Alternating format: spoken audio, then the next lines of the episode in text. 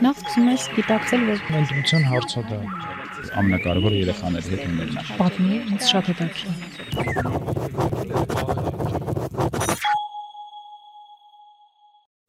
Աստղջան, բարև։ Ողջույն Աննա ջան։ Ապրես որ եկար, շնորհակալ եմ, որ եկել ես։ Ինչ էլ ինչ ծնողավարական ոդքասթ կամ առասարակ հաղորդում կամ որևէ մի թեմա, եթե չկա Աստղնադիրյան, երեխաների քնի խորհրդատու, մարտով տասնյակ հազարավոր չեմ վախենա այդ խոսքից մամաներին այն ամենածանր պահերին, երբ երեխեքը չեն քնում ու երբ չգիտես որտեղից ռեսուրս վերցնես, դա քո բլոգն է։ Ինձ համար ամենաանկեղծ, ամենաաուտենտիկ, ամենաիսկական զրո ձևականությամբ եւ դրա հաշվին էլ այտենց փթող, ծաղկող եւ զարգացող բլոգ, ինչպեսին որ քոնն է։ Ես ուղղակի ուզում էի բոլորիս անից քեզ շնորհակալություն ասել, որ դու կաս այս իրականության մեջ ու ցույց ես տալիս, որ բլոգինգը դա ամեն ինչ կատարյալ ցույց տալու մասին չի։ Ես եմ շատ շնորհակալ հրավերի համար, քո վստահության համար ու այս երբ ես իմ ճանապարհը նոր էի սկսում այդ ճանապարհի սկզբում վստահելու համար, որովհետև սկսնակ այդ ժամանակ հատկապես նաև սկսնակ մայրիկ որպես շատ դժվար էր գտնելը ու գտնելը քո տեղը հենց այնպեսին ոնց կաս ու եթե անկեղծ բլոգինգի մեջ ես մի քիչ ինձ ինքնակոչ եմ զգում, որովհետև իմ բլոգը ստանդարտ բլոգի նման չի իսկապես, բայց ոչ թե նրա վրա որ չգիտեմ, հա, անգամ անկեղծությունն է մի քիչ վերջերս դարձել ձևական, որովհետև մենք փորձում ենք դրա վրա էլ, հա, երբ դրա վրա փորձում ես content սարքել, որ դա ցույց տաս, ինքը արդեն ցուցադրական է դառնում դրա համար ինձ մոտ ինչ-որ sense ինչ-որ пассив ավելի լուրջ շրջան է, որովհետև ասելիքը կամ չափազանց շատ է ու չի տեղավորվում 2000 նիշի մեջ կամ հակառակը այդ պահին զգում ես, որ ավելի լավ է լռել, որովհետև աղմուկը կողքից չափազանց բարձր է ու դու քո ձայնով ուզում ես, չգիտեմ, ինչ-որ ապահով տեղ գտնել բայց ես էլ եմ զարմանում, որ իմ բլոգը այսքան աճել է, որտեղ ստանդարտ չի, շատ բաներ ցույց չի տալիս կամ որպես բլոգեր աշխատանք չի դառնում հենց ինքը բլոգը, ինչի համար եւ ուրախ եմ եւ ինչ որ պահերի մտածում ես լավ դե կարողա թողնեմ, որտեվ այդքան ռեսուրս է տանում, այդքան էներգիա է տանում, ու հետո ասում ես չէ, ավելի լավ է այսպես շարունակեմ, կաշխատի, կաշխատի, եթե չէ, համենայպես ինքը ռեսուրս է թող մնա։ Ինքը ստացված բլոգ է, որովհետև դու այնտեղ անկեղծ ես։ Ու հենց հիմա էլ ես դու անկեղծ, երբ որ որոշել ես լռես։ Զարմանալու բան չկա ինձ թվում, որտեղ չես կարող երկար ձև թափել։ Դա ուղղակի ֆիզիկապես անհնար է։ Մարդը չի կարող երկար ձև անի, որ իրան լավ է, եթե իրան լավ չի։ Ու հակառակ չի կարող ձև անել, որ ինքը վատ է, եթե իրան իսկապես կոմֆորտ է այդ պահին կյանքի հետ։ Ճիշտն ասած, բլոգի հետ կապված այդպես մի հետաքրքիր դիտարկում էի ստացել, անցած տարիների ընթացքում էր։ Մի հարց էր եկել, որ հարցնում էին ինչ որ հարց ու պատասխանի պատուհանիկ էի դրել ու այդ ժամանակ շատ ուսումնասիրում էի ստոիցիզմը, մինիմալիզմը, հետաքրքիր էր այդ մոտեցումը ու փորձում էի ինքս ինձ հենց փորձել գտնել այդ ուղությունների մեջ, որտեղ շատ հարազատ է, շատ կանչում էր ու ծանոթներիցս մեկը այդպես հանդիպում էինք ու հարցնում ասում է չես կարծում, որ դա ձև է, որ գրում ես տենց ես մինիմալիզմ եմ բանանում, չես կարծում, որ այդ ուղակի դու քեզ տենց ցույց ես տալիս Ու եթե անկեղծ այնքան կպել էր խորը այդ հարցը, որովհետև այդ մարդուն այդ ժամանակ մտածում էի, որ միգուցե մտերիմ է, այդ ճանապարհին էինք, բայց այդ հարցը սեն շատ խորը կպավ, ու իրոք մտածում եմ լավ, Հիմա իրոք է այդպես է, թե չէ, կամ փաստորեն երբ դու դրա մասին խոսում ես, ինքը իրոք կարող է անցալվել դա էլ որպես ձև ու դու չգիտես ոնց խոսես սահմանները ինչքան լղոզված ազգում ես կամ գոնե հստակ չի դու չես իմանում ինչքան ինչեւ որ անկեղծ լինես որ անկեղծությունը ձևականության տեղ չանցնի Հենց դա է ու օրինակ այդ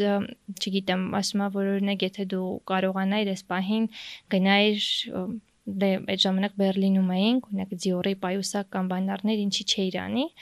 ու այդ շրջանում հիշում եմ, որ այդ հարցն էին տալիս, կանեի թե չէի անի։ Ու քանի որ այդ հարցի բանում է, հետաքրքիր է դե, չգիտեմ, ալգորիթմերը ոնց են զգում, գովազները սկսեց բերել։ Ես չգիտեմ։ Բոլոր խանութների, բայց զգացի, որ չէ, մեկա չի գրավում։ Ինչ որ ավելի մեծ բան կա, որ մտածում ես, երազում ես դրա մասին, ուզում ես արժեքները մի քիչ այլ են ու օրինակ Բերլինում ես սովորեցի սիրել ինքս ինձ այնպես ոնց կա սենց մազերով ու դա երևում է գիտես երևած եղունգներով կամ երբ գնում ես ինչ որ միտեղ ու ասում են չես ուզում մի քիչ ավելի ճոխ հագնվել կամ մի քիչ ավելի տարիքին համապատասխան ու ելի այդ սպիտակ ագրավի զգացողությունն է գալիս, բայց հետո կարողանում ես գտնես, մեզ չէ, ինձ այսպես դուր է գալիս, այսպես լավ է։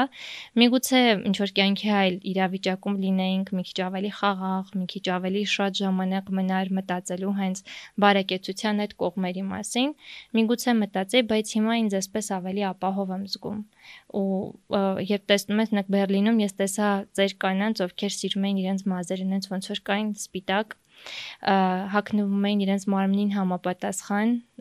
իրենց վրա չկային գրված բրենդերի անուններ, իրենք հակնում էին այն ինչ հարմար էր ու շատ ժամանակ էին անցկացնում այնտեղ, որտեղ դուր էր գալիս ու բնության գրկում։ Ու հասկանում ես, որ դա երևի ավելի կարևոր է նույնը երեխաների համար էլ, որ երեխան օրինակ հակոստը կամ իր տված խաղալիքը, գadget-ը ընկալի որպես իր խաղի, որպես առօրյայի մի մաս։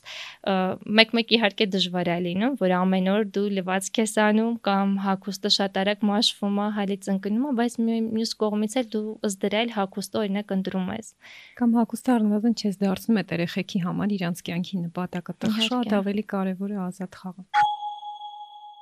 Եթե հետևում եք Deep Parenting podcast-ին, վստահաբար գիտեք, որ podcast-ը ստեղծվել է Parenting School Armenia-ի ծնողի դպրոցի կողմից։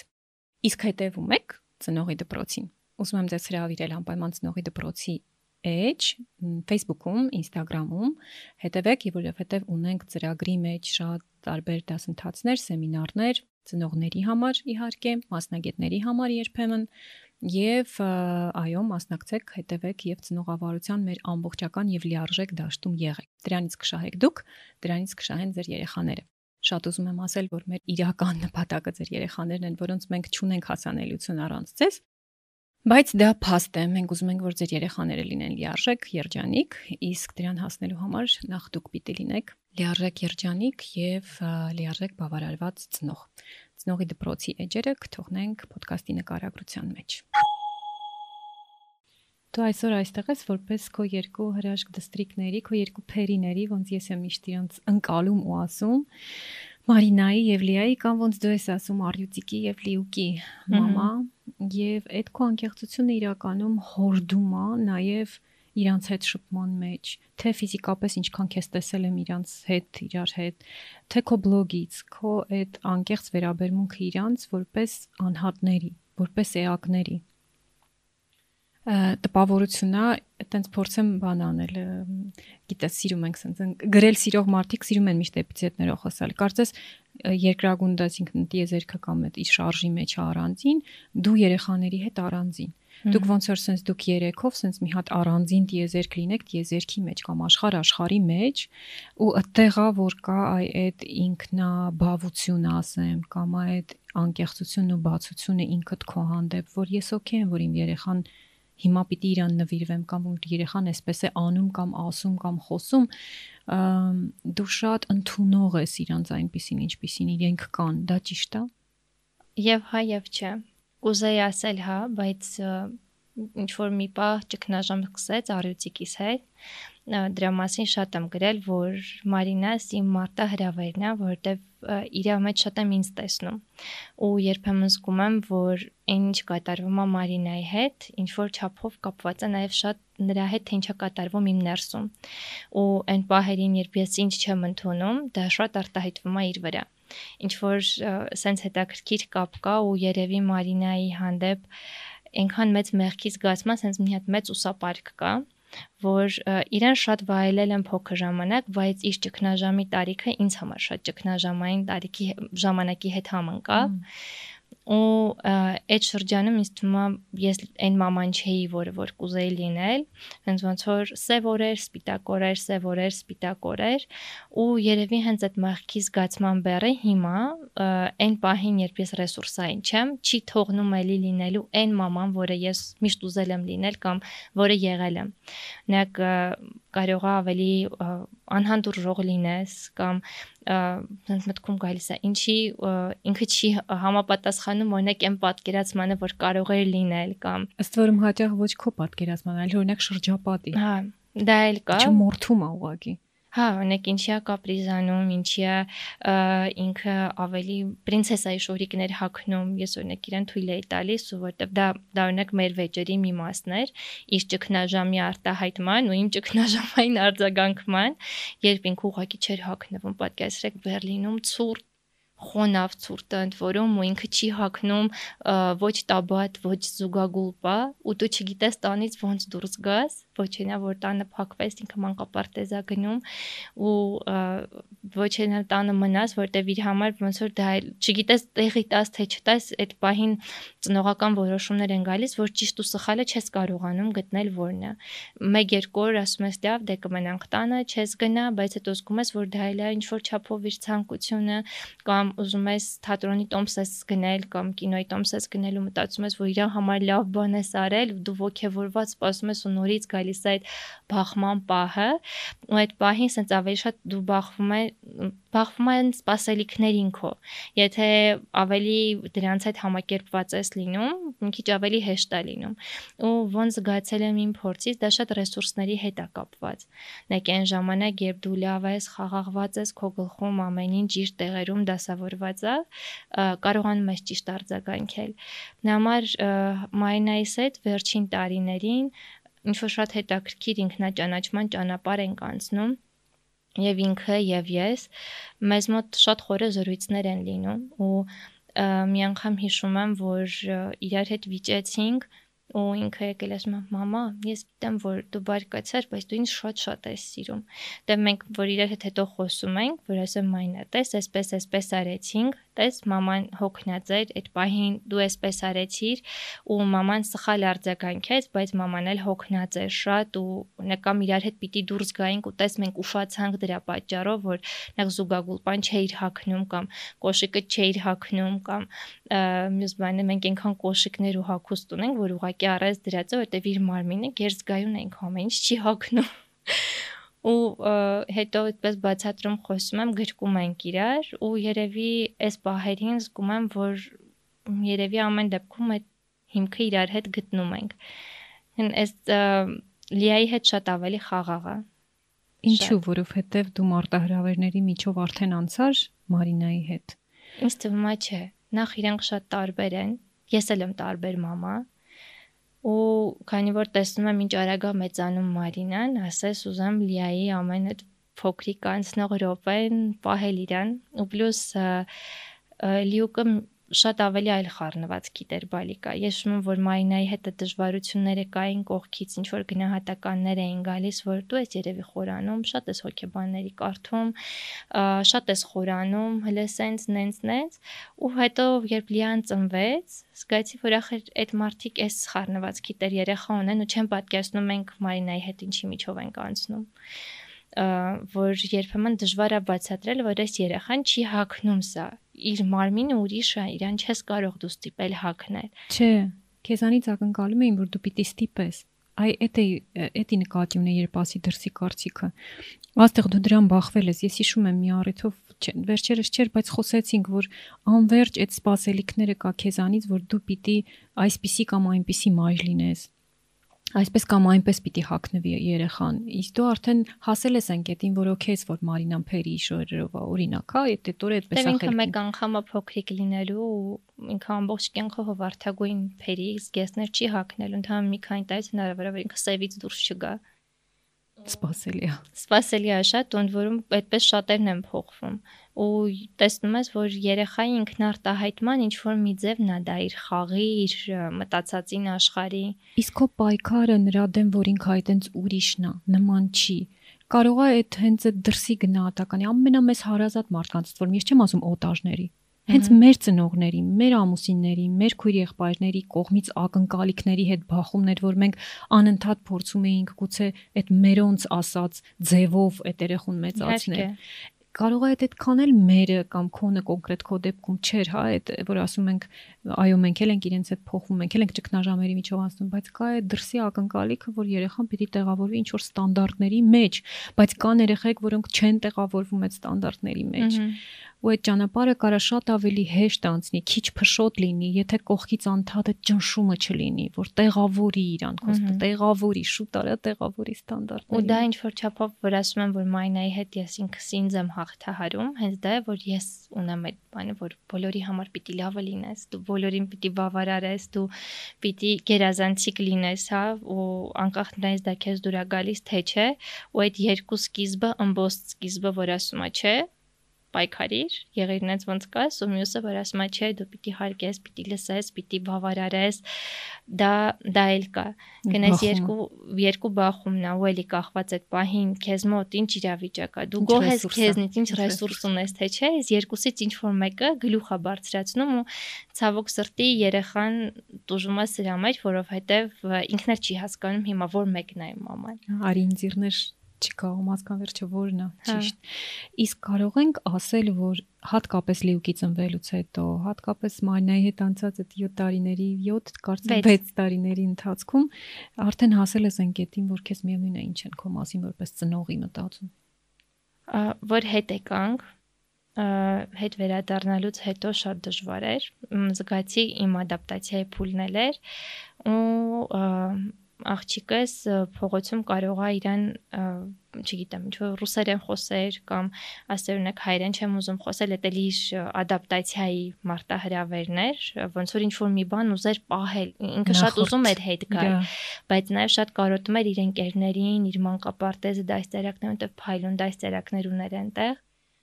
ու այ բլոգեր լինելու բանը հենց այդտեղ էր գալիս, որ օրինակ քո երեխան կոպիտ է խոսում, բայց ինքը սովորաբար այդպես չի խոսում։ Բայց հիմա կողքից մեկ անցնի, կիմանա, գնայի, կտեսնի, վայ, աստղի երեխան, տեսեք, ես ոնց է խոսում, ու այդ պահին այդ լարվածությունը Մարինա, խնդրում եմ, այդպես մի խոսիր։ Այդ պահին դու լարվում ես, ու որ դու լարվում ես, ինքը դրանից էլի ավելի է լարվում, ու դու զգում ես, որ կոմունիկացիան չի ստացվում։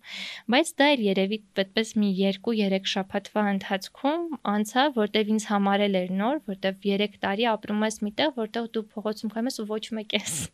Լավ իմաստով։ Ոչ մեկ քեզ չի ճանաչում, դու ընդհանրապես շարքային մեկն ես ու կարող ես, չգիտեմ, մազետ կարմիրել ներկել, ոնց ուզում ես դուրս գալ ու այնտեղ ոչ մեկ քեզ բանի տեղ չի դնում։ Մայնս քանի անգամ այդպես խաղահրապարակից հետ է եկել Բոբիկ ու այսնիկ մարտիկ չէին նայում այ սերեխու ոտքերը նախ որտեվ մաքուր էր, ապակիներ չկային փողոցում, մյուսը որտեվ իրանց համար երեխայի խաղը շատ կարևոր տեղ է զբաղացնում կյանքում ու հետո որ գալիս ես ու դու արդեն ինչ որ մեկն ես ու քեզ ճանաչում են հարազատներ, բարեկամներ, հետևորդներ ու դու արդեն մտածում ես, որ վայ չէ, պետքա երևի համապատասխանես այդ կերպ։ Այն քեզ մարդիկ արդեն տեսնում են, կն մի ծայրահեղությունից ընկնում ես մյուս ծայրահեղության մեջ, ու ինչ որ ժամանակ է պետք, որ այսպես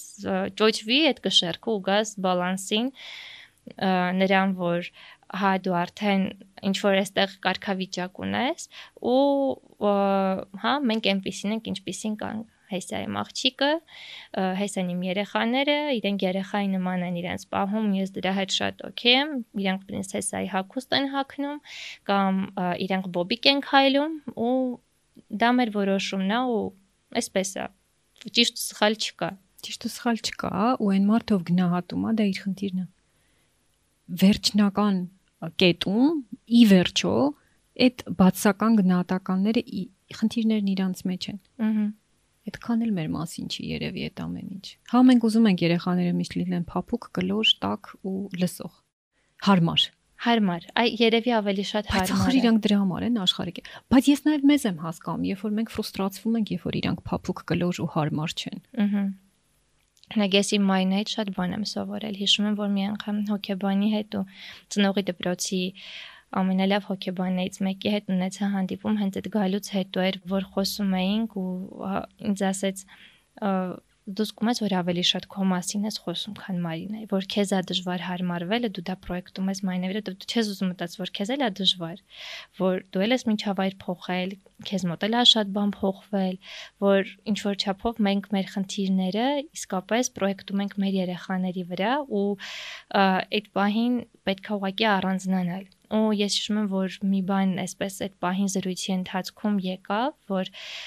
ասում ես շատ հպարտանում եմ Մարինը, որտեվ փաստորեն ես իրան տվել եմ այն հիմքը, որ ինքը կարողանում է ասել ինձ այն ինչ մտածում է, որտեվ երբ ես փոքր էի, ես չէի ասում կամ չկար այդ իրավունքը։ Չկար այդ իրավունքը, շատ բաներ մնում էին ներսում կամ նոթատետրերի մեջ կամ մինչև հիմա ինչ որ չապրված, չասված բաներ, իսկ ինքը ինձ ասում է,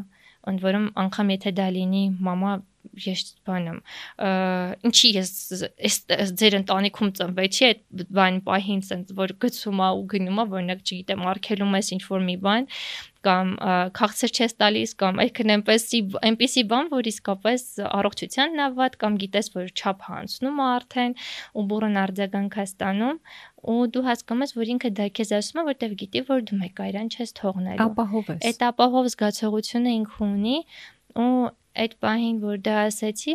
մեջս մի տեսակ խաղաղվեց այսինքն այդ մեղքի զգացման բեռը որ կարող է իր համար լավ մամա չեմ այդքան կամ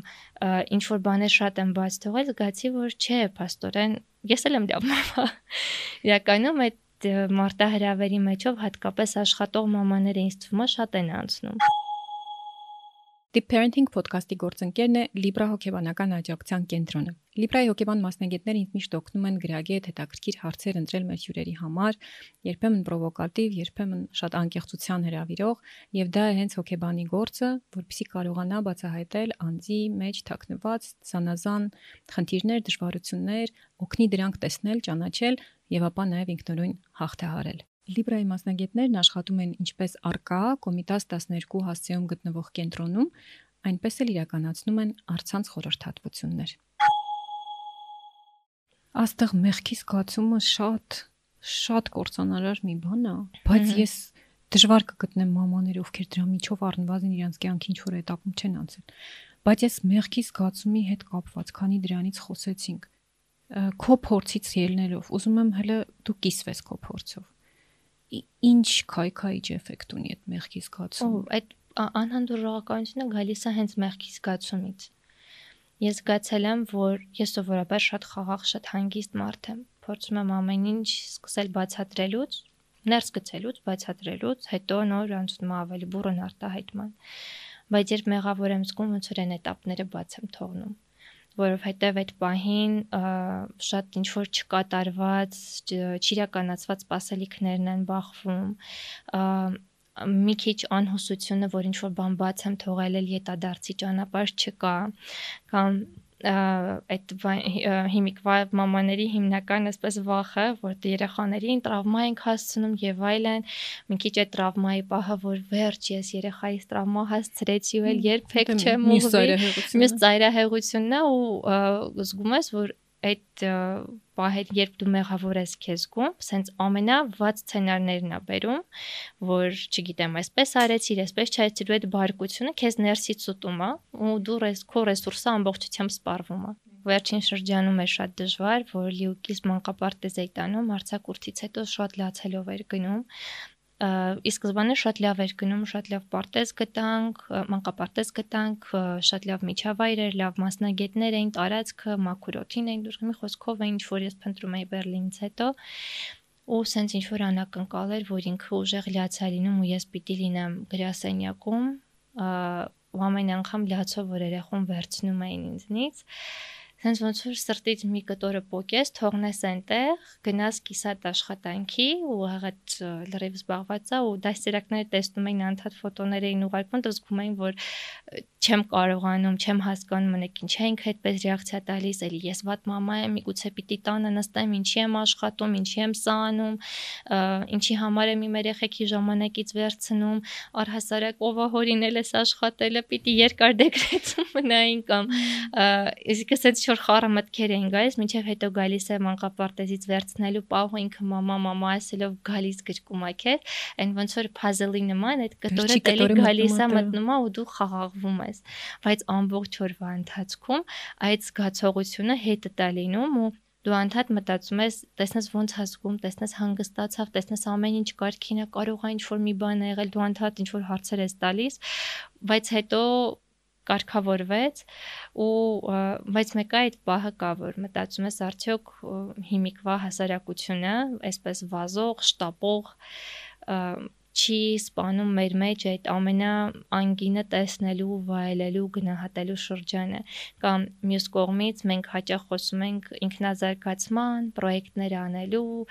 եւ այլնի մասին ու մի տեսակ բաց ենք թողնում հենց այդ դանդաղը ու մոռանում, որ նույն դանդաղ ապրող փչակերտավոր տան կինը կամ մարդով բարձրագույն ուսումնական չի ավարտել, բայց իր հոբիով հրաշալի օրինակ սալիկա խփում կամ բան, իրանք ինչով են պակաս, ինչի հասարակությունը չի ընկալում իրանց որպես այդպես high level, հա, բարձր մակարդակի մարդկանց, ոնց որ օրինակ կգնահատեն բարձր մակարդակի ծրագրավորողի եւ այլն, իրանց հետ նույն հարթության մեջ չի դրվում։ Ու դու զգում ես, որ դա էլ է ինչ որ չափով քեզ գցում այդ մրցավազքի մեջ, ու չնայած դու կարող ուզեիր այլ բան անել, ավելի քո տան մեջ լինել, ավելի դանդաղ ապրել, ավելի քիչ պրոյեկտներ անել, բլոկ չունենալ միգուցե,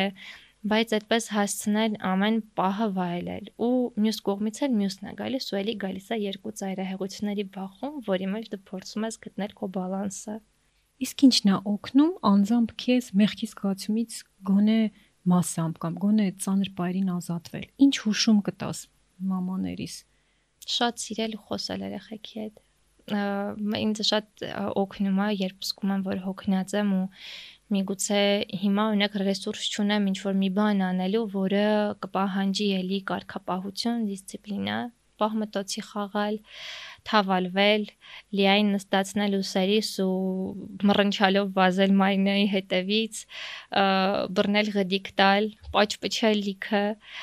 հետո միասին ինչ որ համով մի բան ուտել, միասին ինչ որ ֆիլմ նայել, մայնայի հետ վերջերս այդպես բաց Հարի Փոթերի աշխարհն ենք բացահայտել ու այդպես երկուսիս ինչ որ համատեղ կախարդական բանն է ու վերջերս լիուկը վերցրել էր կախարդական փայտիկը, ասма էսպեկտո պատոնում։ Ասի իմն են։ Իմն են Տրիվի մոնքեն, իմ մոնքական իմ նման։ Հա, քան մի անգամ այդպես մի մամայի հետ էինք աշխատում, երեխան շատ-շատ վատ էր քնում ու խնդիրը ասոցիացիաներ հետ սովորացնում էր ուղակի օրինակ ոչ թե գրկում օրորվելով քնելու, այլ որ կողքը նստի շոյի հետո քնի։ Բնականաբար դա էլ է սթրեսային, ու այդ մաման գրում էր, ասում էր աստոջան, ունեք դուք ոնց եկել երեխեք հետ այս փուլերի մեջով անցել, դիմացել։ Եմ ուղակի ցերեկը լինելով մաքսիմալ ներկա ու բավարար լավ, բավարար չափով լավ մամա։ Ու երևի հենց դա է, չգիտեմ բանաձև ինչ որ կատարյալ չեմ գտել։ Իմ դեպքում դա երեխաների հետ մաքսիմալ շատ է տակտիլ կոնտակտն է։ Աստեղ քո կյանքի ես փուլում ինչ ես փնտրում ծնողությունից։ Արդեն ունենալով երկու երեխա, ոչ թե մեկ, ինչպես են սկզբի ոչ շատ դյուրին շրջանում, տեսնելով նաև դրսի ապրելակերպը, ադապտացվելով նորից հետ այստեղի ապրելակերպին, ունենալով ինչ որ փորձառություն, հաղթարած լինելով ինչ որ ներքին խնդիրներ, գուցե բավարարած լինելով մեր սեփական քո սեփական ներքին երեխայի ինչ որ պահանջմունքներ, հա։ Հիմա այս փուլում ինչ ես փնտրում ծնողությունից կամ ինչ ես ակնկալում ինքդ քեզանից որպես ծնող։ Երևի հենց այդ բալանսը ինչի միջև? Խիստ լինելու եւ փափուկ լինելու որտեվ եւ որպես անձ ինձ մոտ դա ինչ որ թերության նման մի բան եմ համարում, որի վրա աշխատում եմ, դա ծայրահեղությունների մեջ ընկնելն է այսինքն ծայրահեղ պրոդուկտիվ, ծայրահեղ ալարկոտ, ծայրահեղ բաց ու ծայրահեղ փակ, ինչ որ ինտրովերտի ու էքստրովերտի տեսանկյունից նա կարող է գնաս միջոցառան բան ու հետո դու ուղակի անջատում ես ամեն ինչ, բոլոր ընդունող մեսենջերները կամ բան, որ ոչ ոքի հետ չխոսես, ոչ ոքի չտեսնես,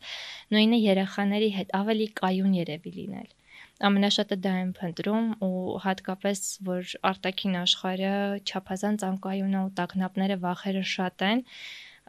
երբեմն դրանք սողոսկում են տուն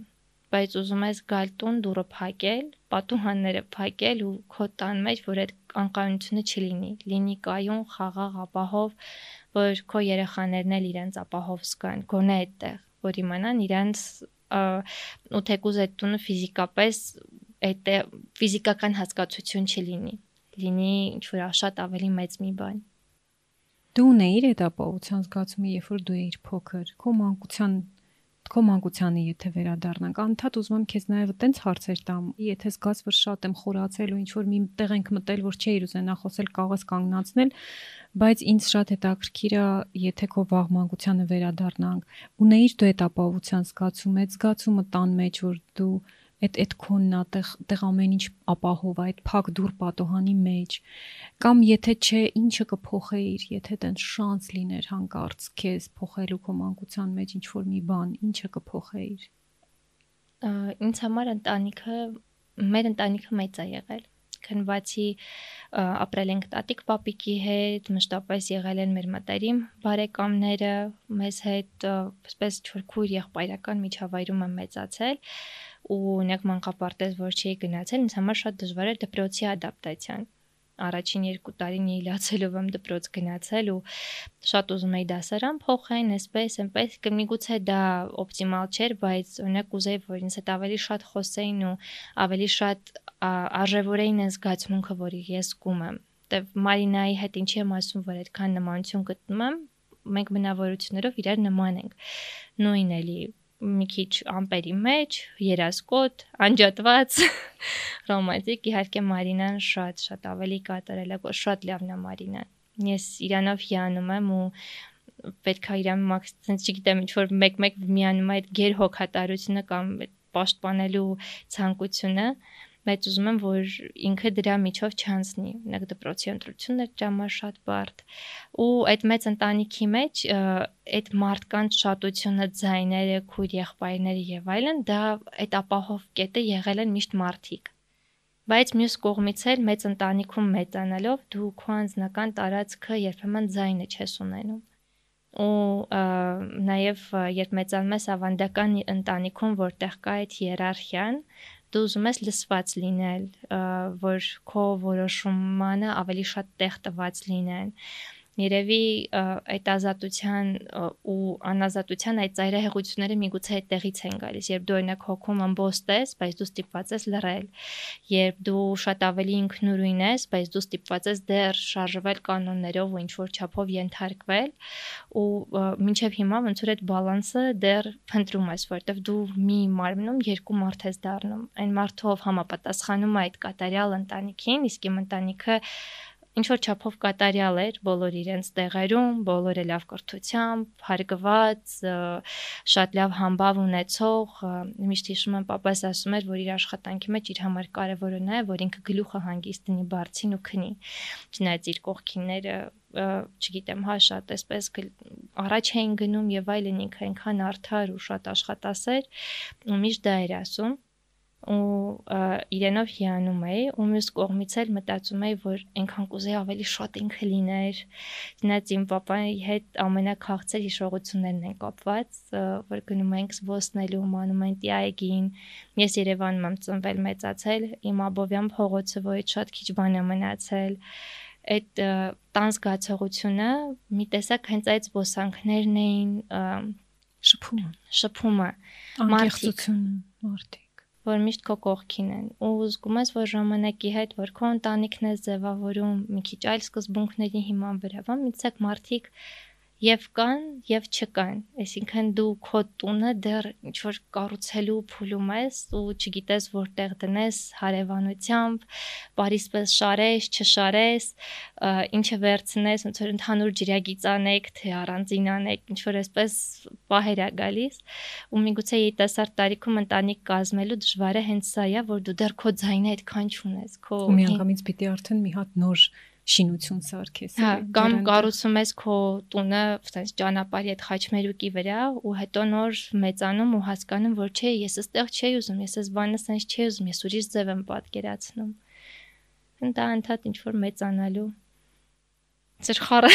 ստացվեց։ Չէ, չէ, շատ անկեղծ ստացվեց իրականում։ Այնով մենք կանք այսօր դրա շատ մեծ մաս իրականում քար հիմնակարերը դրվել են մանուկ հասակում։ Այո, երբեմն դրանք առողջ չեն դրվում, ու երևի շատ քիչ բացառություններ կա, որ լիակատար լիարժեք երջանիկ ոնց որ առանց որևէ ըմբրես մա հոկեբանի մոտ ոչինչ չունեմ պատմելու իմ մանկությունից, հա դրանք հիմնականում բացառիկ դեպքեր են, փարկաստոկան, բայց բացառիկ են, բայց անտեսել դա դժվար կլինի։ Իսկ իսկ եթե խոսենք նրանից այսօրվա աստղը իր ամենալուսավոր, ամենադրական, ամենա հենց քեզ գոհացնող կողմերով, այ ինչն ա որ եկել է այդ մանկուց, որ դու ընդեղից ես այդ այնով դու այսօր կաս, այդ եկել է հենց ընդեղից։ Երևի հենց այդ միամտությունը, པարզությունը, որտեղ մինչև դպրոց գնալը շատ բաներին չեմ բախվել գնդպրոց մտել եմ այն բանով, որ աշխարհի ինչ որ մեծ ապահով ընտանեկան տեղ է ու բոլորը այնտեղ իրար սիրում են, բոլորին պիտի ներես, բոլորին պիտի ընդունես, որովհետև քո ընտանիքի անդամներդ անգամ եթե վիճում ես, ունեք այդպես քույրիկներով մենք 4 քույրիկ էինք, մենք ես ես քույրիկս ու հորաքրոջից երկու աղջիկները անպայման խաղի վերջում բաժանվում էինք թևերի, հետո մեր մամաները ասում են, որ էլ վերջ դուք չեք հանդիպի ու մի օր հետո զանգում ենք, որ կգոք մեր տուն, գնաց անգամ վեճերը սենց ինչ որ դրա խաղի տեսքով էին, կոնֆլիկտներ լուծելու չունեինք քն կոնֆլիկտ հաղթահարելու ձևեր չկային ու երևի հենց այդ միամտություն չեմ ուզում ասել բայց մակրություն մակրություն էլ չէ դրանք ավելի ինչ որ սենց շատ ծեծված են հա միսակ շատ ուղղակի երևի աշխարհին որպես ավելի բարի տեղ նայելը երևի դա Իսկ դու կուսես, որ աղջիկները դել այդպես մտնեն դպրոց, որովհետև հիմա այդ դիլեման կա։ Այսինքն երեխեքին թողնել փոքրուց գնաբակ, վիճի, կռվի, իրան ասնի, ընկնի վեր կանա, հա, եւ ուղղակի եւ փոխաբերական իմաստներով, որ հետո երբ որ մտնի դպրոց, դպրոցից բու եւ այլն մեծ կյանքի բոլոր этаպներով ասից ինքը պատրաստ լինի։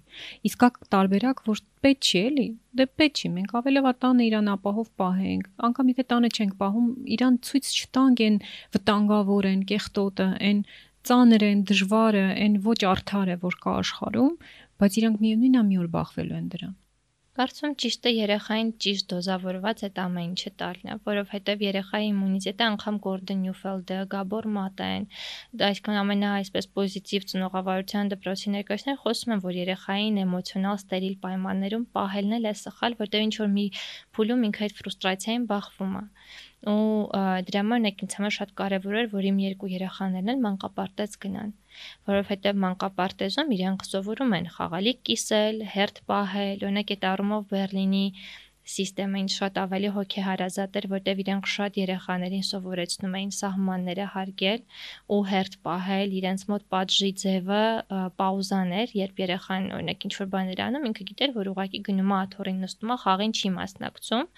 հետո իր հետ խոսում են, տեսնում են ներողություն են խնդրում, միասին կոնֆլիկտը լուծում են ու երեխան շարունակում է խաղ, այսինքն սա իրենց ամենա մեծ պատժի ձևն էր, հա, որ ուղակի երեխան խաղը դադարացնում է։ Եթե դու չես կարող հերթը պահել, եթե դու չես կարող, ուղակի չես խաղում հիմա որ ժամանակ խոսում են, բացատրում են եւ նոր նորից հետ են բերում։ Հա, այքն բացարձակ ոչ մի էմոցիոնալ կամ ֆիզիկական բռնության մասին խոսք լինել չէր կարող։ Ու երեխաները ունեք իմոնք որ գալիս են, լիաս տանել չի կարող, որ իրան կպնում են անգամ ին երևի մենակ ինձ ու papayin է թողնում իրան այդպես կպնել կամ եթե ինքն է գալիս բայց ինքը կարող է գա գրկի դուք իրան ի պատասխան գրկեք ինքը չթողնի ու հիշում եմ մի անգամ սխալ արեցին գնացինք Թումանյան այգի ու իմ խեղճ լիուկով սովորյա որ հերթ պիտի տալ ինքը հանգիստ բարձրանում է պիտի սահի դանդաղ իր ձևով Բերլինում այդպես էր ոչ ոք իրենց առաջ չէր վազում բոլորը սպասում էին այսպես հերթով կանգնում էին մինչև այդ փոքրիկը կսղա հետո իրենք օրինակ արագ-արագ-արագ հերթը գնում էր առաջ քանի երեխա բրթեց գցեց իրեն, բայց մյուս կողմից էլ ունեք լիա շատ ավելի ուժեղ ամեծանում։ Ունեք ինքը չի թողնում, որ իրեն նեղացնեն արուծիկս մի քիչ ավելի խոցելի է, բայց ինքն էլ սովորել է վերջին տարիներին ասել չէ։ Ասել չէ կամ իմանալ, որ ինչքան էլ հերթը պահում ենք, բայց չեմ թողնում որ ինձնից առաջ անցնեն կամ ինչ որ չափով խուսափել կոնֆլիկտներից, եթե զգում եմ, որ այդ կոնֆլիկտը արժանի չի առաջ տանելու։ Նույն օրինակ, որ բրթելով անցնում են կամ բան, այդ բալիկի խնդիրն է այդ արարքը իր մասին է խոսում քո մասին չի խոսում պլյուս իրենք իրենց պարտեզից ռուսերեն ռուս-գերմանական պարտեզեր մի շատ լավ բան էին սովորեցրել դաստիարակները երեխաներին кто как обзывается тот так и называется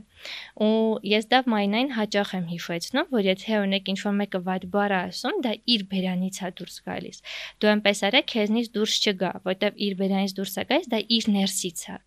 Իր ներսից է դուրս գալիս։ Իր ներսից է դուրս գալիս։ Ինչ հետաքրքիր։ Ու օրինակ ես դա հաճախ եմ կրկնում հիմա իրեն, թե երեխաները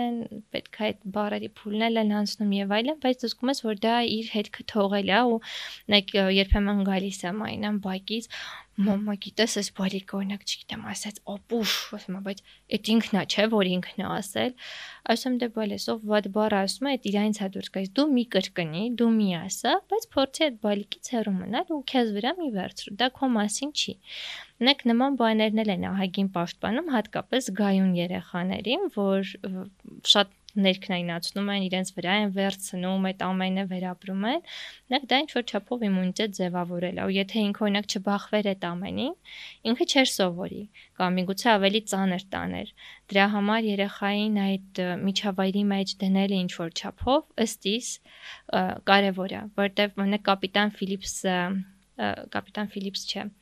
Կապիտան Ֆանտաստիկ ֆիլմ կա, Վիգո Մորտենսենը որ խաղում է, մի հրաշալի ֆիլմ է, հենց այդ տենց տանը սովորող երեխաների մասին դա էլ մի պահ որ մայնաս փոքր է, 2 տարեկան էր երևի ու մենք երկուսով վայելում էինք մեր այսպես մեր կյանքը համատեղ մտածում եմ որ չէ ես իրան չեմ ուղարկի ոչ միտեղ ինքը պիտի մտա մնա անգամ homeschooling-ն է ուսումնասիրում տեսնեի Հայաստանում կա թե չէ մտածում եմ ոնց պիտի իրան տանը հավես այտենց կապիտան ֆանտաստիկի նման մեծացնեմ բայց հետո հասկանում ես որ այդ երեխաները շատ ուրիշ են ստացվում ու երբ դու չլինես, իսկ դու չգիտես քո կյանքը երբ կավարտվի, արդյոք ինքը պատրաստ կլինի առանց քեզ ապրելու, չէ՞ օրինակ նույն homeschooling-ի կամ այտենց մոտ պահելու մեջ դու դառնում ես իսկ տիեզերքի կենտրոնը։ Դրա համար երեխան, որ ունենում է մի քանի առանցք, կլինի դա իր կլինեն տատիկ պապիկը, բարեկամները, ում ինքը կարող է վստահել, կլինի իր սիրելի դաստիարակը, կլինի իր այդ առանցքը մի տեսակ ձևավորել է, իսկ շատ մեծ պատասխանատվություն լինել միակը, ով այդ ամբողջը տալիս է ու հետո բաց թողնել մեծ կյանք։ Իրականում Այդ է, որը շատ հաճախ շատ հոգեբաններ, այդ թվում այդ քո նշած մեծանուն հոգեբանները բնդում են, որ մեր առաքելությունը որպես ծնող դա զորացնել երեխաներին ապրել առանց մեզ։ Ահա։ Կգա այդ օրը, շուտ ուշ ոչ մեկս չգիտենք ապրել առանց մեզ նաև չի նշանակում ապրել մեզանից կտրված, ապրել անտարբեր մեզանից, ապրել չսիրված մեր կողմից, ապրել չպաշտպանվածը չգրգրված չէ։ Ապրել առանց մեզ նշանակում է սովորացնել իրենց այդ կյանքի հմտությունները, որ երբ քեզ վիրավորում են, դա այդ մարդու մեջից է գալիս, այդ այդ վատ բառը իր ներսում ուրեմն ինչ որ մի բան են չի անգամ ստեղ կարելի է կարեկցանք սովորացնել որ ինչքան ուրեմն իրան ծանր է որ ինքը վիրավորում է բոլորին ապրել առանց մեզ նշանակում է այո բախվել դրանց այդ իրականությունների հետ ու ու կարողանալ ինքնուրույն գլուխ հանել ինչ վերաբերում է քո ասացին, որ հա, չափի մեջ իհարկե ամեն ինչ պետք է այդ նույն սոցիալիզացիան տարբեր առանցքների շուրջ, հա, կյանքը մենակ տանը չի ու ապահով չի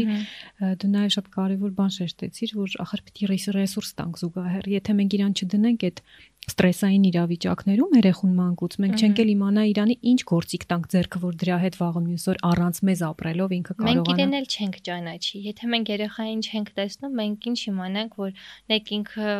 վեճի ժամանակ օրինակ խփողն է թե փախնողը կամ ինքը տեղի տվողն է կամ միգուցե ինքը վատ երեխաների ազդեցության տակ է հեշտ ընկնում ու ոնց դու կարողանաս երեխայիդ պաշտպանել եթե դու իրան չես ճանաչում ու երեխային ու ցավոք սրտի մենք բոլորը սովորում ենք փորձի միջոցով քան եթե երեխան չի անցնում դրա միջով դու չես կարող իմանալ ինքը այդ իրավիճակում ոնց կպահի իրեն նույնք նույն կերպ ամենասկզբում որ խոսում էինք հենց կատարյալ օրինակ հանդուրժող լավ մամա լինելու մասին Նայեք ինձ համար նաև կարևոր է, որ Մարինան երբ ինձ տեսնում է այն վիճակում, երբ ես շտապում եմ, կամ խնդրում եմ Մարիա արագ դուրս գան, խնդրում եմ Մարիա արագ կեր, իսկ ես ինձ համար այդ շտապելները ինչ որ չափով անհանդուրժողականության նման մի բան, տևի ռիթմը այլ է, իսկ քո կյանքի ռիթմը այլ է ու այդ պահին ինքը ստիպված հարմարվում է քոնին Նակ այդ պահին սկում եմ, որ նաև կարևոր է ոնց ենք հետո դա էլ հաղթահարում։ Նակ մայնատես այսօր առավոտը շտապում էինք, գիտեմ, որ դու ավելի դանդաղ էիր ուզում հավաքվել կամ ավելի դանդաղ էիր ուզում սա անել, ուղղակի հասկանում ես, ունեք մաման գործի պիտի գներ, որ սա սա սա աներ։ Ու զգում ես, որ ինքը հասկանում է, ոնց որ իր մոտ դա տեղն է ընկնում ու կատարյալ ծնողներն էլ, հա, կան իհարկե, շատ գովելի է, որ այդքան շատ հանգիստ, առանց մեղքի զգացման կամ բան ծնողներ են լինում, բայց նեք ես էլ եմ մայնայի նման զգացմունքային, գերզգայուն մարդել, ինչ որ չափով ես եմ։ Ու ինձ էլ շատ հաճախ դժվար կյանքի այդ տարբեր դժվարություններին համակերպվել է, կլինի դա աշխատանք, տուն, այդ բալանսը, կլինի ինչ կատարվում է մեր շուրջը, լրահոսը տագնապային, կլինեն, չգիտեմ, հա կենցաղային խնդիրները, երբ դու փորձում ես ամեն ինչ հասցնել, չնայած ունես երկու ձեռք, երկու ոտք, ինչքան էլ ամուսինը օգնող լինի, բայց մեկ անգամ դուք երկուսով եք սպառվում ինչ որ մի պահի, որտեվ ամեն ինչ անում եք ու այստեղ լավը նա է, որ օգնող ձեռքեր իհարկե կան, որն է երեխան ենք, ողս մի քանի ժամով թողնել եւ այն, բայց մենք մի տեսակ սովորել էինք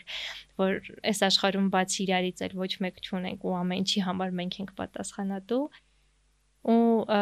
ոնց ենք նաև խոսում երեխաների հետ դրա մասին։ Նորմալ է որ ինքը տեսնի որ մաման էլ է մարդ, papan էլ է մարդ, բայց կարևոր է հետո բացատրել, ցույց տալ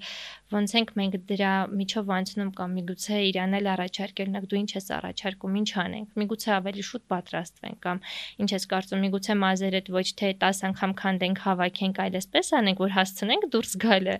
Կամ օրինակ, չգիտեմ, մաման ես ասեմ, լավ, ես նախորդ գիշեր ուղակի, չգիտեմ, դաս էի անում կամ ինչ որ գրառում էի անում ու շեմ քնել, ես քեզ խոստանում եմ, որ այսօրվանից ավելի շուտ կքնեմ, որ առավոտյան օրինակ ավելի շուտ արթնանամ։ Ու դա էլ է երեխային այդ ռեսուրսը տալիս, որ ինքը ոչ թե այդ նեղանա մեջը պահի, այլ հասկանա, որ դա շարքային խնդիր է, որը կարելի է լուծել։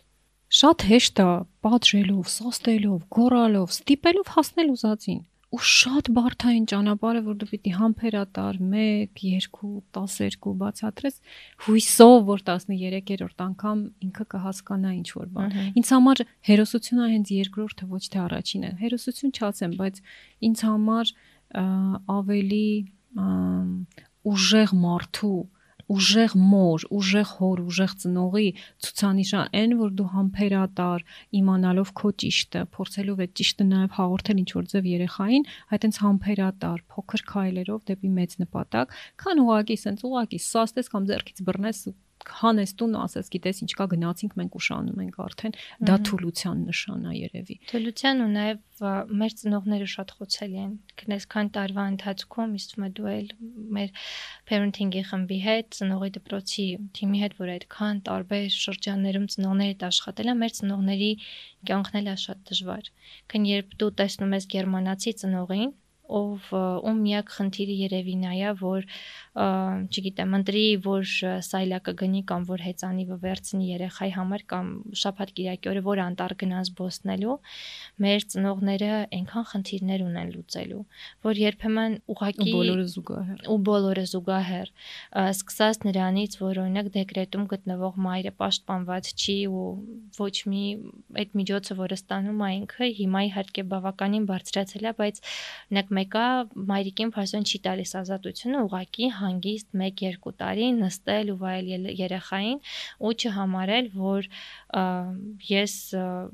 ձրիակեր եմ կամ ես բան չեմ անում, տունը նստած եմ, հա, մի քիչ այդ հա, մի քիչ այդ որակումներն էլ կողքից գալիս են։ Մյուս կողմից ոնց որ տեսեք էլի մենք, մենք ինքներս ծայրահեղությունների հասարակություն ենք եւ այն մամանա ստանում կողքից քննադատություն, ով երեխայի փոքր տարիքից դուրս է գալիս աշխատանքի եւ այն մամանա քննադատություն ստանում, որ որոշում է երեխայի հետ անցկացնել ու չգիտես ինչի, որպես երկրորդ սորտի տան կնիկ, հա, որ մասնագիտական կամ ինչ որ բան քննարկումների ժամանակ մի տեսակ իրենց ձայնը չի լսվում, քան ծնողները իրենք անպաշտպան կամ նույն կերպ ինքնաթիռում, հա, երբ թռնում ենք, զգում ենք ինչքան երեխայատյաս մի քիչ վերաբերմունք, հա, ու երբ ծնողը լարված է, երեխայա կանչնա չէ որ ցավում է թռիչքի ժամանակ, այդ երեխան երբ լաց հայլնում հոստից տեղը լաչ չի լինում, բայց երբ մայրը մտածում է որ ըհը մի քանի 100 հոգի ատելությամբ ինձ են նայում, լարվում է ու դրանից ինքն էլ հանգստացնել չի կարող։ Հետևաբար մենք որպեսի ունենանք երջանիկ երեխաներ, պիտի ունենանք նաև երջանիկ ու ապահով ծնողներ, ոչ թե ծնողներ, որ մտածում են օրվա օրվա հացը հայթայթելու մասին կամ վերջին տարիներից հետո մենք ունենք շատ կիսատ ընտանիքներ, կորուստված ընտանիքներ, որ դեռ այդ վերքերը չեն հաղթահարել։ Ունենք տագնապներով ապրող ծնողներ, որ վախենում են ինչ որ պլաններ անել, օրինակ մեծ տուն առնել, որովհետև վստահ չեն վաղվա օրվա վրա կամ նեք ինչ որ գործ հիմնել, որովհետև շատ դժվար պայմաններ են, հա, չի վստահ չի արդյոք իր գործը հիմա այդ ներդրումը ինքը կանի կարթարացնի իրեն թե չէ ու զգում ես որ ողջ խնդիրը այդ այդտեղից է գալիս, որտեվ այն ծնող իրեն կարող է շատ լավ ծնողներ լինեին, եթե այդ պահը չլիներ, ավելի քիչ գորային։ Դեւ երբեմն ես գում եմ, որ նեք իմ էմոցիոնալ պարկման ձևն էլ ձայնը բարձրացնելն է, որտեվ այդ պահին քո մեջ այնքան կուտակված,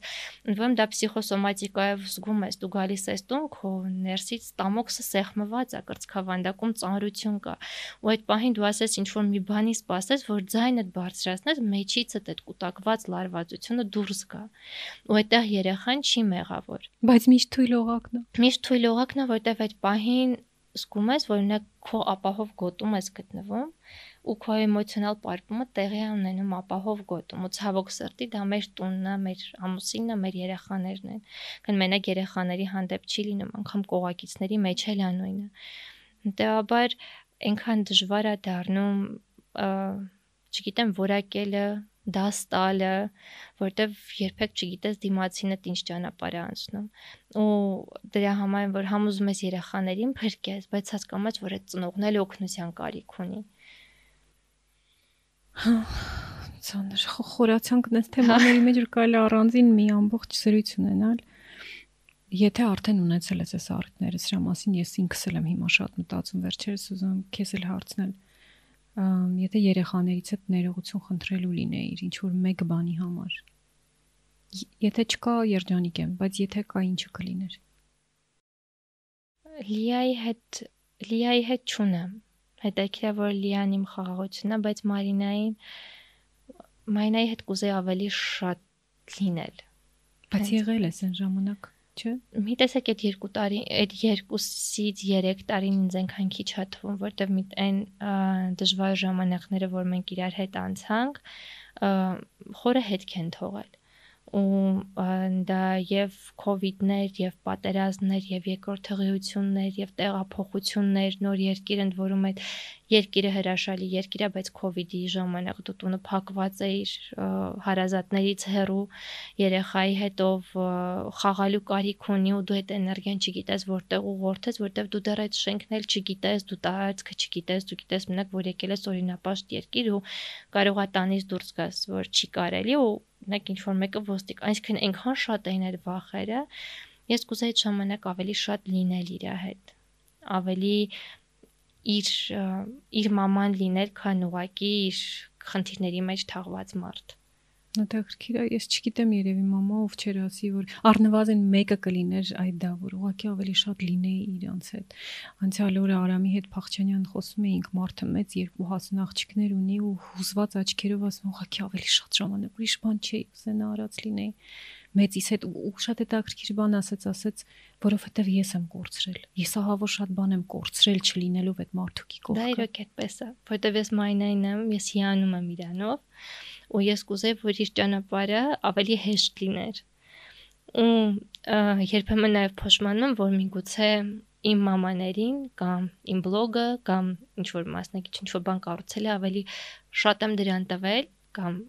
մյուս ծնողներին տվել, քան իմ երեխային։ Սեփական երեխային։ Օհ։ Իս եթե քո ներսի երեխայից ներողություն խնդրելու լինեիր, կա մի բան, որ իրան չես հասցրել։ Այս ամբողջ ընթացքում, երբ որ մենք երեխա ենք մեծացնում, մենք մեր երեխուն էլ ենք մեծացնում։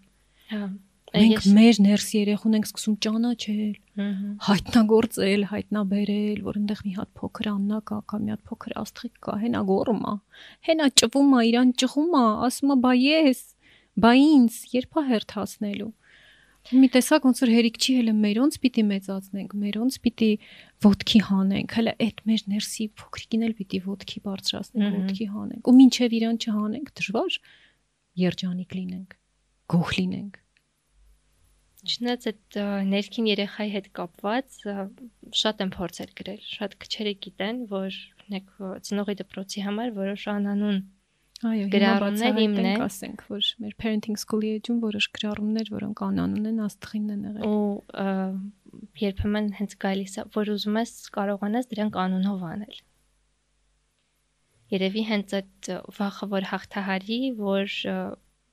որ ինքը մտածում է այսպես ու ինքը խոսում է այդպես, որ ինքը ուզում է այսպես ու ինքը օքեյ է, որ այդպես է, որ չգիտեմ, երևի ավելի շատ կպաշտպանեի ու վերջին շրջանում ինչ որ sense տան զգացողության պակասն է։ Ահա։ Կուզեի որ ինքը իր տուն ունենար։ Ու դա sense ինչ որ շատ ոչ բացի ֆիզիկական ինչ որ մետաֆորիկ հասկացություն է, ինչ որ մի վայր, որտեղ դու գալիս ես հանում ես կոշիկները, հանում ես վերնահակուստը, թաքնում ես ամենահարմար հակուստը ու ուղակի կաս։ Այդտեղ կան երեխեքը։ Այդ անպայման Իրանք էլ կան, նենց չի որ իրանք բացառված են։ Չէ, բացառված չեն, հակառակը։ Իմ ներքին երեխան, ով երջանիկ է, տեսնում է մեծացած երջանիկ մամա, ով իր երեխաների հետ այտենց իր երեխաների առաջնահերթությունն են։ Հիմա է շատ բաներից դադար եմ վերցրել, ինչ որ այլ կողմ եմ գնում, որ կարողանամ ինչ որ մի ժամից մի ժամը մի դերում լինել ու հետո լիարժեք դառնալ իրանց մաման, որ ամեն անգամ չնայեմ հեռախոսին, չմտածեմ, որ այստեղ ֆեյլ արեցի, այնտեղ ֆեյլ արեցի, այս կես թվային դարում այդ շատ դժվար է։ Ու այդ տունը, որ ասում եմ, ինձ համար sense մի կղզիակ կա, որ ան ինչ որ անհաստատ ժամանակներում աչքերս փակում եմ ու պատկերացնում եմ դա մեծ խոհանոցն է պատուհանով որ նայում եմ այգում ու այնտեղ երեխաներ են վազվզում ու ամուսինս է նստած իրանց հետ խաղում ու ես մտցակ այդ պատուհանից նայում եմ իրանց ու գիտեմ որ ես այստեղ իրենց համար եմ օրինակ իրանց համար ինչ որ համով բան եմ պատրաստում ու գնալու եմ իրանց մոտ ասենց ինչ որ պատկերավոր վիզուալ այդ պատկերն է Իսկ մեկ այդ պատկերն է ու ներսի ներքին երեխան երբեմն նմանա վանդակում փակված ինչ-որ sense Մաուգլի ու ինչ որ անհաստատ ժամանակներում էլի մինչև այդ պատկերը հետո բերում է ոնց որ sense վանդակի մեջ ինքը խփվում է պատերով ինչ որ sense անհանգիստ վիճակում է ու չնայած եթե հանգստանա դուրը կբացի դուրս կգա բայց ինքը խփվում է պատեպատ ինչ որ այդ քաոտիկ վիճակում է լինում sense երկու իրավիճակ ներսից երեխան իր նաև մեծ ընտանիքում մեծանալու այսպես կողմերից մեկը, որ միշտ իմ անկյան մասին եմ իրազել, որտեղ որը իմը կլինի, ասենց 100% իմ էս աշխարի վրա իմն է։ Դու հավատում ես, որ կարող ես ստեղծել այդ անկյունը։ Հա, դե դեռ ուշ չի, չէ։ Վախերն են շատ երբ ես խոսում ես տագնապների մասին, մի պատերազմից հետո այդ բախերը ինչ որ շատ մենք գուցե նաև միջին տարիքի ճգնաժամն է, այս տարի կլորամյակ եմ նշում ու ոնց որ sense չուրանցնող տասնամյակի նաև շունչն է որ նորն է բացվում ու դու զգում ես որ դու արդեն մեծացել ես, որ արդեն էլ այն թրիվրի աղջիկը չես, որ չգիտեմ, հա որ երազանքներ ուներ ու իրան թվում էր մի ամբողջ կյանք կա դիմացի, հիմա դու արդեն կին ես ու այսօր այդպես աղջիկներով հավաքված ենք, ասում հիմա ոնց ենք ասում աղջիկներ, թե կանայք։ Բայց այդ տուն ստեղծելը գիտեմ որ կարող եմ, բայց հիմա դա շատ ինչ որ այլ վախերի հետ է կապված, բա որ կորցնեմ, բա որ գա ուրիշը տանի, մեծ տատիկիս պատմություններն են ցեղասպանությունից, որ մի տուն կորցրել ենք Ադանայում, բա որ հիմա դա նորից լինի, consent ինչ որ շատ է, միգուցե հնչի շատ էս խորանում կամ բան, բայց դա փոքրուց այդ պատմությունները ես լսել եմ, երբ մեր արևմտահայ ծրված աշխարհով մեկ վարեկամությունը եկել է մեր տուն ու իրենք ինչ որ պատմություններով են կիսվել այդ նստած է մեջը դու դու մտածում ես որ բա որ ես էլ իմ մեծ տատիկի նման ով երկու աղջիկներ ուներ այդ ամբողջ ճանապարհը Ադանայից մինչև Հալեբ անցել է ոդկով բա որ ինձ ես էլ նույնը անեմ քնեստեղ ավելի ներքին խնդիրը որ երևի մի քիչ էլ հանդարտվի կկարողանամ ավելի խաղաղ լինել։ Այո։ Աստղ որպես ծնող հիմա ինչի վրա ես աշխատում։ Ավելի ներկա լինել երեխաներիս հետ։ Այստեղ եւ հիմա ի նկատի Այստեղ եւ հիմա ու թվային դարում փորձում եմ այդ բալանսը գտնել, ոնց սահմանները դնել թվային աշխարհի մեջ, աշխատանքի մեջ ու ոնց ցույց տալ երեխաներից, որ ավելի կարևոր է այն, ինչ կատարվում է այս sense իրական կյանքում հատակի վրա երբ մենք իրար հետ խաղում ենք այգում որտեղ զբոսնում ենք չգիտեմ ամառանոցում երբ նստում ենք ճոճաթորին միասին ուղղակի ինչ որ երաժշտություն ենք լսում կն լինել այստեղ ու նաև իրանց պաշտպանել նաև այդ թվային ամենից մաքսիմալ ինչքան հնարավոր է դրա համար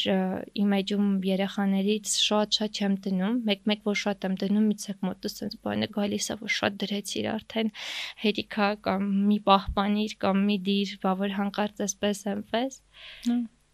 ու հիմա ավելի շատ կենտրոնացած եմ հենց երեխաներիս կյանքում ավելի շատ ներկա լինելու վրա։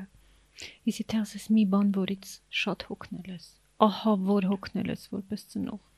Վասկից։ To-do list-երից։ To-do list-երից, վասկից, multitasking-ից, այդ բազմա բազմա ֆունկցիոնալությունից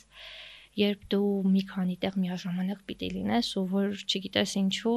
կապիտալիստական աշխարհում հաջողության գրավականը դա է դանդաղ ապրելը մարդիկ կան որ արագաշարժ են քան դա չի չի նշանակում որ բոլորի համար է երջանկությունը դա բայց ինձ համար դանդաղ լինելն է շատ էսպես կարևոր ու երևի հենց ամենաշատը դա որ վազքը շատ խանգարում է տեսնել ու գնահատել այն ինչ կատարվում է հիմա ու պլյուս որ նայում ես ժամանակը ոնց է վազում նայեք չգիտեմ 3 տարի հետո գալիս ես ու տեսնում ես որ այն երեխաները որ դեռ չկային արդեն խոսում են ու դու զգում ես որ Բաց թող։ Բաց ես թողել եք, ուղղակի անցել է։ Չեմ հիշում հարցազրույցն էի լսում իմ սիրած ոդքասթերից Արտասամանյան ասվեց երեխաների հետ օրերը շատ դանդաղ են անցնում, իսկ տարիները ահա որ արագ։ Հատկապես փոքրահասակների հետ։ Օրերը ուղղակի երբեմն չեն ավարտվում։ Իսկ տարիները գլորվում են հետևից չես հասցնում։ Ու շատ աննկատ Ես էլ մի անգամ նորածնային այդպես շրջանի մասին գրել էի ու հենց այդ նույն բառերը ես էլ չեմ հիշում որտեղ էի դրան կարդացել ու այնքան ճիշտ էր ու այդ ժամանակ լիուկս նորածին էր բայց Լիայի հետ Մայնայի հետ էլ եմ վայելել չնայած մեզ բարձրապես այդ մեջտեղի շրջանն է որ չգիտես ինչի տարածում եմ մնացածի վրա էլ բայց երկուսի հետ էլ այդ դանդաղելու շրջան ունեցել եմ երբ մենք պարկել ենք իրար հետ, քնել ենք իրար հետ, թավալ ենք տվել, ոչինչ չենք արել, ուղղակի գնացել ենք այգի, ինչ որ համովիկ վերցրել ու ամբողջ օրը անցկացրել ջրերի մեջ վազելով Թումոյի այգում ինչ որ այնքան ու սրանք զգում ես որ քո հիշողության մեջ այն մի մուլտֆիլմ կա չէ Inside Out Գալավալոմկա այն դեղին այդ կենտրոնական հիշողությունները կգասիր մուզիկան էլ է կավականից այդ երաժշտություն կար չէ հենց այդ դեղիններին ցույց էին տալի թե երաժշտություն կար հա ու դու զգում ես որ դրանք հենց այդ դեղին այդ կարևոր հիշողություններն են որ որպես մամա քո անձի հիմքում են ընկնում ու հույս ունես որ նաև քո երեխան էլ հա դրանք պահում է որպես ապահով տակուկ հիշողություններ որոնք կապվում են քեզ հետ հա աստղ ջան քո բլոգից ինչ սպասենք ասա խնդրում Եթե ճունես ոչ մի բան մեզ խոստանալու, էլի կընդունենք քո որոշումը։ Հիմա մասնագիտական կոնտենտը տանում եմ մեկ այլ էջ, նոր նախագիծ ենք սկսում։ Էլի այսպես խորը զրույցներ չեն, որովհետև սրա համար շատ ուրիշ միջավայր է պետք, բայց տարբեր մամաների պատմություններ, երբեմն իրար հակասող, բայց իրար հետ նույն նավի վրա։ Հիմա ավելի շատ սրա ուղությամբ եմ աշխատում բլոգում կարծում մասնագիտական նյութերը կդրվեն, չգիտեմ երբ կակտիվացնեմ, որովհետև հիմա դեռ ասելիքը համ շատ է, բայց մյուս կողմից էլ երբ գիտես, որ լիքը ծնողներ կան, որ քեզ հետևում են ու իրենք քեզ հասնելու հնարավորություն չունեն, կապվելու հնարավորություն չունեն կամ իրենց համար քնելը ըստ էության միակ օրվա կայուն զբաղմունքն է, որը կարող են հա անել, երբ քաղցած են կամ հոգնած են կամ ժամերով հերթ են կանգնել, մի տեսակ ամեն ինչ արժեզրկվում է։ Բայց դե մյուս կողմից էլ հասկանում ես, որ երեխաները մի շարունակում են ծնվել, մամաները շարունակում են երեխաներին քնեցնել ու ասում ես չէ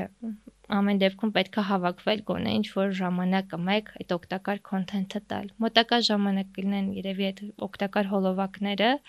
Իսկ տեքստային մասով ինչ որ շատ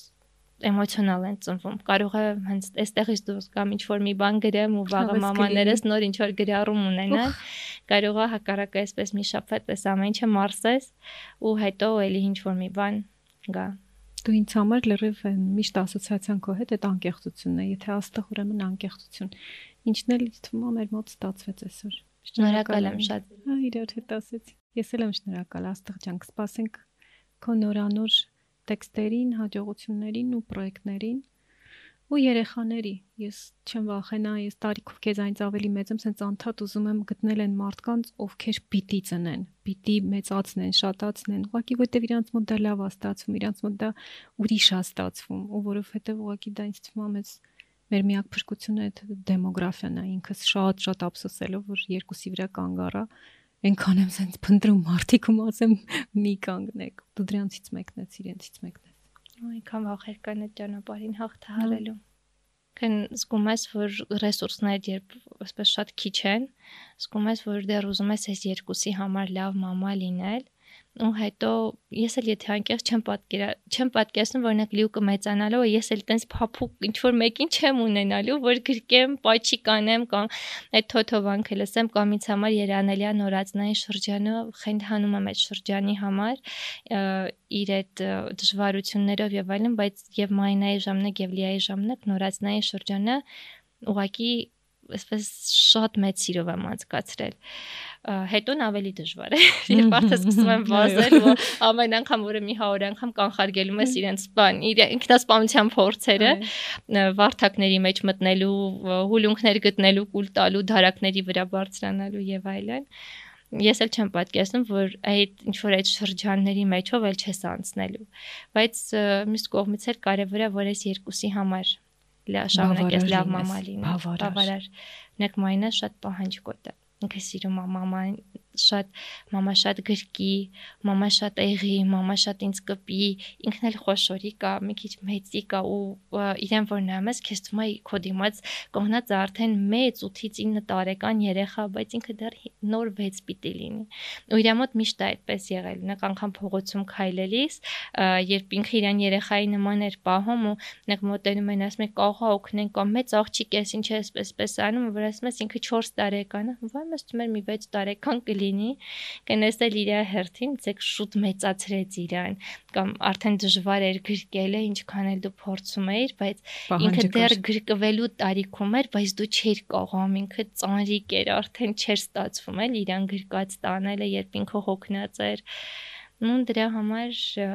այս երկուսին տալ լե ինչի կարիք ունեն հաղթահարել սեփական ներքին վախերն ու բաները սեփական ներքին երեխային ու հետո թեն գնալ առաջ։ Անպայման, միայն առաջ։ Երբ մենք մեծացնում ենք մեր երեխաներին, անխուսափելիորեն մեծանում է նրանց հետ մեկտեղ նաև մեր ներսի երեխան։ Նախ մեր ներսի երեխան կա, ու արդեն մենք մեր հյուրերի հետ քանիցս այս թեմայից խոսեցինք։ Նկատենք իրեն, չէ, ընդունենք թե ոչ, մեր ներսում կա մի հատ մեր փոքրիկ երեխան մեր երեխաներին մեծացնելու հետ նրան էլ ենք մեծացնում, նա էլ է փոխվում, նա էլ է զարգանում, նրա պահանջմունքներն են ի հայտ գալիս, երբեմն ամենաանսպասելի պահերին, բայց նրան պետք է նկատել եւ նրա պահանջմունքներն էլ է պետք բավարարել։ Հակառակդեպքում չենք լինի լիարժեք որպես մայր, որպես մարդ։ Մեկը մյուսին չի բացառում եւ դա շատ լավ է։ Եվ այդպես է միայն հնարավոր լինել լիարժեք մայր, լիարժեք մարդ երջանիկ ու բավարարված, որտեղ միայն երջանիկ ու բավարարված ծնողները կարող են մեծացնել երջանիկ ու բավարարված երեխաների։ Իսկ դուք չմոռանաք լայքել մեր այս տեսանյութը կամ ոդքասթը, եթե լսում եք ոդքասթային հարթակներում, տարածել, ուղարկել ձեզ ծանոթ ընկերներին, բարեկամներին, դրանով կօգնեք մեզ զարգանալ, լինել ավելի ճանաչելի եւ այս խորը զրույցները հասցնել այլ մարդկանց մտքերին ու սրտերին։